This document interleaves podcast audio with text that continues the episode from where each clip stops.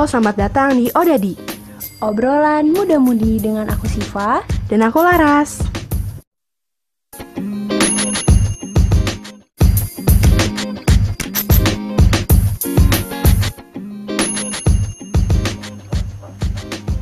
Halo semuanya Hai hai hai.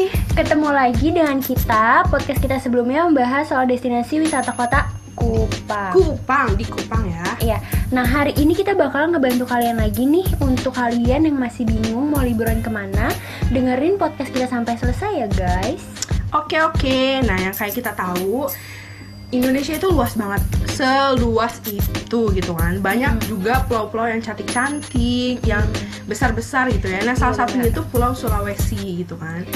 Terus kalau sekarang nih kita bakal ngebahas apa? Kita bakalan ngebahas tentang si pulau satu ini, salah satu kota di Pulau Sulawesi yang terkenal dengan julukannya Bumi Serambi Madinah. Coba tebak apa? Kayaknya Gorontalo deh Soalnya Mm-mm. kalau misalkan Serambi Mekah Aceh. Iya, Iya kan? Jadi ini kayak Gorontalo, bener nggak sih? Coba bener nggak ya? Bener nggak ya? Bener banget. Ya bener 100 buat bukan buat aku doang tapi buat kita, kita berdua. Oke. Oke. Oke, kayaknya aku bakalan cerita sedikit soal sejarah terbentuknya kota ini ya guys. Oke, coba cerita. Cerita sedikit, nggak tahu banyak. Jadi kalau salah maaf. Oke. Oke, oke. Menurut cerita rakyat, dulu kota ini dikenal sebagai eh, Semenanjung Gorontalo. Uh-uh. Mm. Berasal dari sebuah pulau kecil yang lama-lama tuh air di pulau ini tuh sekitar pulau ini tuh surut. Mhm. Mm-mm. Nah setelah air itu surut, kayak eh, tiba-tiba muncul tiga gunung, Mhm. Yang salah satunya adalah Gunung Tilong Kabila. Oke. Ada sebuah lembah di, sebu- di sebelah selatan gunung ini dicat dalam sejarah sebagai wilayah yang bernama Hulon Talangi. Oke, ya kan? Hulon Awalnya Talangi. Hulon Talangi. Yang kemudian dikenal sebagai daerah Hulon Talo atau Gorontalo. Berarti ini cikal bakal eh, nama Hulontalo Hulontalo ini cikal bakal nama Gorontalo. Oke Iya. juga sih, menarik menarik tuh ceritanya. Terus ya, eh, aku juga tahu sih Gorontalo itu eh, diperkirakan terbentuknya itu dari 400 tahun yang lalu. Udah lama banget. ya. Lama banget. benar-benar selama itu. Iya. Jadi tuh pada awalnya yang aku tahu si wilayah Gorontalo ini itu adalah sebuah kerajaan. Mm-mm. Karena yang kita tahu di Indonesia kan banyak banget Iya, kerajaan-kerajaan banyak kan. Nah, jadi sebelum uh, kedatangan bangsa Eropa, kerajaan-kerajaan go- di Gorontalo itu sudah menganut sistem ikatan keluarga atau yang disebut juga Pohalaa. Bener gak sih Kayaknya bener deh. nyebutnya gitu kan? Aku Uh-uh. nggak tahu sebenarnya sih. Cuman kita eh, berusaha untuk belajar aja ya guys. Kalau salah mohon maaf. mohon maaf sekali. Iya. Coba eh, jelasin eh, Pohalaa tuh apa sih Ras? Pohalaa. Oke, jadi Pohalaa itu artinya keluarga kerajaan Gorontalo. Nah, jadi eh, setiap masyarakat Gorontalo itu memiliki nama Pohalaanya masing-masing. Oh oke. Kayak nama marga nggak sih? Iya kalau di Batak ya suku Batak itu namanya marga. Tapi kalau misalnya Gorontalo itu eh, Pohalaa namanya. Iya Pohalaa, disebutnya Pohalaa, tapi Iya. sama aja nggak sih kayak marga gitu. Iya kayaknya eh, sama sama sama sama sama. Jadi tuh, jadi berarti orang-orang Goro- masyarakat Gorontalo pada punya Pohalaanya masing-masing karena mereka adalah keturunan kerajaan. Wow. Wow. Spesial gitu kan. Keren Istimewa, Keren banget. keren banget sumpah. Iya kan? Eh, Oke gini teman-teman. Gorontalo sama dengan daerah yang lainnya di Indonesia Sama, gitu. mm-mm. Eh, mereka punya bahasa daerah masing-masing. Nah, Goronta Gorontalo ini punya tiga daerah, eh tiga bahasa maksudnya Oke. maaf, tiga, Tiga bahasa, bahasa da- daerah, daerah. yang eh, pertama itu namanya bahasa Gorontalo, Mhm. yang kedua bahasa Suwawa, dan yang ketiga adalah bahasa Antinggola. Ating Atinggola. Oke, oke. Uh-uh. Berarti mereka bukan apa walaupun part of Indonesia tapi dia pakai bahasa Gorontalo bahasa daerahnya sendiri kayak unik banget nggak sih ya unik kan? banget. Jadi kita kalau misalkan ke Gorontalo dengar eh, orang ngomongnya beda-beda itu karena emang mereka tuh punya lebih dari satu bahasa gitu. Lebih dari tiga bahasa daerah di Gorontalo ya. Wah, Mm. gila. Berarti unik banget, unik banget. Sejarah sejarah kota ini unik banget dan kalau menurut aku selain sejarahnya yang unik, budaya dari kota ini juga unik banget loh, Syif. Uh-uh. Jadi tuh eh, masyarakat Gorontalo mayoritasnya tuh beragama Islam gitu kan. Oh, makanya makanya eh, tadi yang aku sebutin di awal kenapa Goron eh, apa Gorontalo itu kan disebut julukan eh, bumi Sambi Madinah karena ya masyarakatnya mayoritas beragama Islam. Jadi kayak di Madinah lah gitu kan Islam semua. Iya. gitu. Aceh ya, Aceh Iya. kan mayoritas eh, masyarakat itu kan eh, menganut agama Islam, makanya mereka disebut sebagai Serambi Mekah. gitu Iya, ya. kalau ini Serambi bumi Serambi Madinah. gitu. Berarti nggak cuma Aceh ya guys yang dapat julu- julukan istimewa karena mayoritas masyarakat yang beraga- beragama Islam Gorontalo juga ada julukannya sendiri. Betul, betul, betul. Ya, betul banget. Selain itu, eh, masyarakat Gorontalo juga punya falsafah hidup gitu kan. Waduh, keren banget. Keren tuh. banget kan?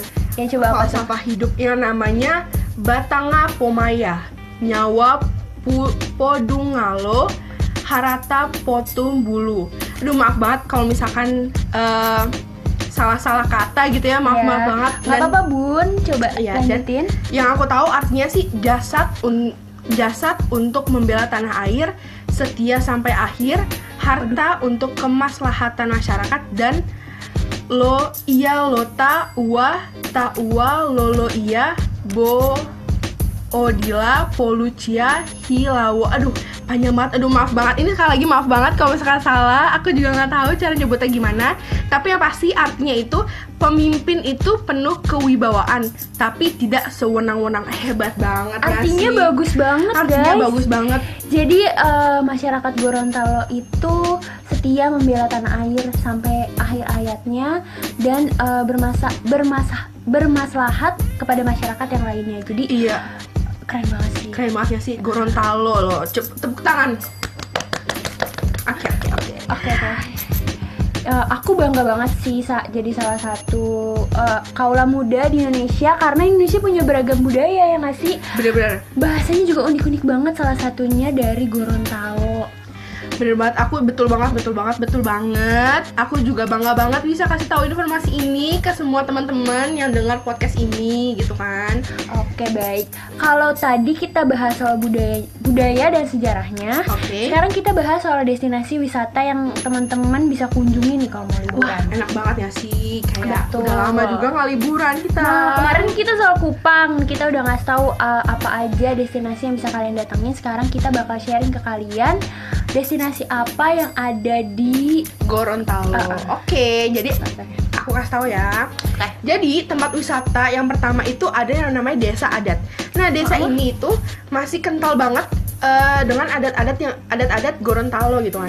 Terus Oh. tempat ini juga eh, kental banget sama ajaran Islamnya gitu Oh, kan. jadi masih original ya? Iya benar. Heeh. Jadi eh, masih ada beberapa jadi di desa adat ini masih ada beberapa pondok pesantren yang kuno yang masih ya masih berdiri lah ya untuk eh, untuk eh, sampai sekarang gitu kan. Nah, untuk teman-teman yang pengen nih wisata religi gitu kan, bisa cocok banget nih pasti ke tempat desa adat ini. Coba kalian yang pengen tahu nih, uh, Gorontalo tuh uh, dikenal dengan bumi Serambi Madinah tuh.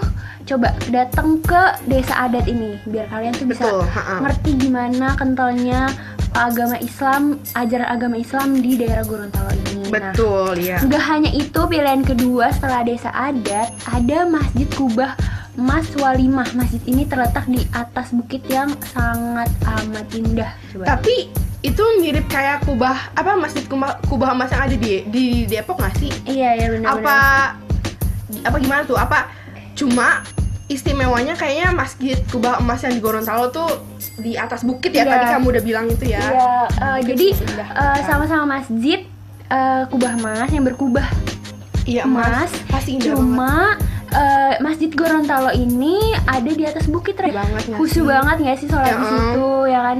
Buat kalian yang mau wisata religi bisa langsung ke dua tempat itu. Oke oke terus nih kalau tadi kan udah nih wisata religi terus buat kalian nih yang mau liburan kayak di Maldives tapi belum kesampaian terus biayanya juga mahal kan di Maldives mendingan kita di Indonesia aja di Gorontalo juga ada ya kan Karena eh, gini-gini lah, aku aku kasih tau. Oke oke.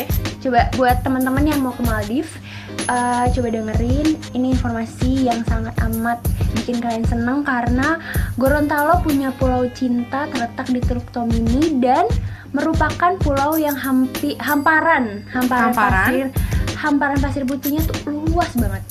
Oke oke. Nah, di sini dibangun sebuah eco resort yang menawarkan sensasi sensasi Sensasi. menginap di tepi pantai ras. Jadi mirip-mirip kayak di Maldives nggak sih? Tapi ini di dalam Indonesia gitu ya. Ya, Di- jadi kita nggak perlu jauh-jauh ke luar negeri. Iya betul. Di Indonesia juga ada gitu kan. Keren banget nggak sih? Aduh, ya ampun. Aku aja rasanya tuh pengen ke Gorontalo nggak sih? Kok kayak Iya. gini? Yuk cepet-cepet yuk coba yuk.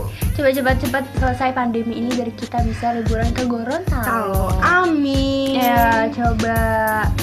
Oke, tenang dulu. Kita ada satu informasi lagi yang nggak kalah penting bagi pencinta kuliner yang suka makan. Aku banget. Iya kan? Mm-mm. Kamu suka banget makan kan? Banget. Nah, coba nanti kalau misalkan pandemi udah selesai, coba mampir ke Gorontalo. Ada banyak banget makanan khas yang bisa laras dan temen-temen eh, podcast ini eh, cicipin dan di sini kita kasih tahu kalian tiga jenis makanan aja ya menurut kita yang wajib dicicipin banget. yang wajib sisi banget. Oke, kalau menurut aku nih, yang ada yang namanya binte biluhuta. Itu kayak sup makan sop gitu ya, makanan khas di Gorontalo. Iya, nah, sup, mak- uh-uh, makanan ini juga terbuat dari jagung. Eh, jadi tuh Gorontalo terkenal sebagai daerah penghasil jagung. Ya jadi eh pantesan aja si sup ini terkenal gitu kan. Iya, jadi eh, bahan utama dari sup ini tuh jagung guys. Nah, Iya. buat kalian yang diet Mm-mm. pas banget buat buat jadi makanan karena takut nih aduh makan eh, ayam atau makan makanan yang lain tuh lemak atau gimana nah cobain sup ini gitu loh Mm-mm. lebih sehat guys Terus yang kedua juga ada sate tuna. Aduh, sate tuna kan biasanya kita sate ayam, sate sapi, sate kambing. Ini sate tuna coba. Coba bayangin sate tuna kayak gimana. Nah, jadi tuh biasanya eh, bahan yang dibuat dari si sate tuna itu ya pastinya daging tapi oh lalu guys maksudnya Laras itu Laras jangan grogi Iya, oke, oke, dia oh. saking saking ngilernya guys kan ini ngomongin soal makanan ya kan Uh-uh, jadi- jadinya kebawa gitu kebawa emosinya jadi gini guys sate tuna itu berasal misalnya bahan bakunya itu dari daging tuna oh ah. ikan tuna. Nah biasanya kalau misalkan kita di Jakarta itu kan nemuin sate-sate kan eh, bahan utamanya bahan bakunya itu dari ayam atau enggak dari sapi. Mm-mm. daging sapi, daging Kambing. daging domba gitu kan. Nah kalau kita main ke Gorontalo kita bisa nemuin sate yang bahan bakunya dari tuna. Enak banget ya sih coba bayangin deh. Uh, Mm. kayak sate tuna unik banget nggak sih sate tuna itu? Eh, iya makanya. Pasti enak banget deh. Enak banget sumpah. Apalagi eh, sate tuna ini dibuat dengan rempah-rempah khas Gorontalo. pastinya udah enak banget. Terus ada lagi nih, kan tadi kita eh, janji tiga ya. Ini yang terakhir, yang ketiga buat kalian, buat kalian yang pengen beli buah tangan buat teman-teman, buat sahabat, buat pacar, buat siapa pun, duduli bisa jadi salah satu pilihannya. Nah, Bahan utama dari duduli itu eh, beras ketan. Jadi itu beras ketan itu diolah sama gula merah, eh, sama gula merah dan santan yang dibungkus dengan daun woka. Daun woka itu daun Daun hasana. Daun hasana aku belum pernah lihat sih. Nah, Iya. Oke. Terus habis itu jadi gimana? Jadi informasi yang kita kasih tahu ke kalian bisa nggak nih buat kalian tuh pencerahan gitu oh iya kayak Gorontalo oke nih gitu oke banget dong.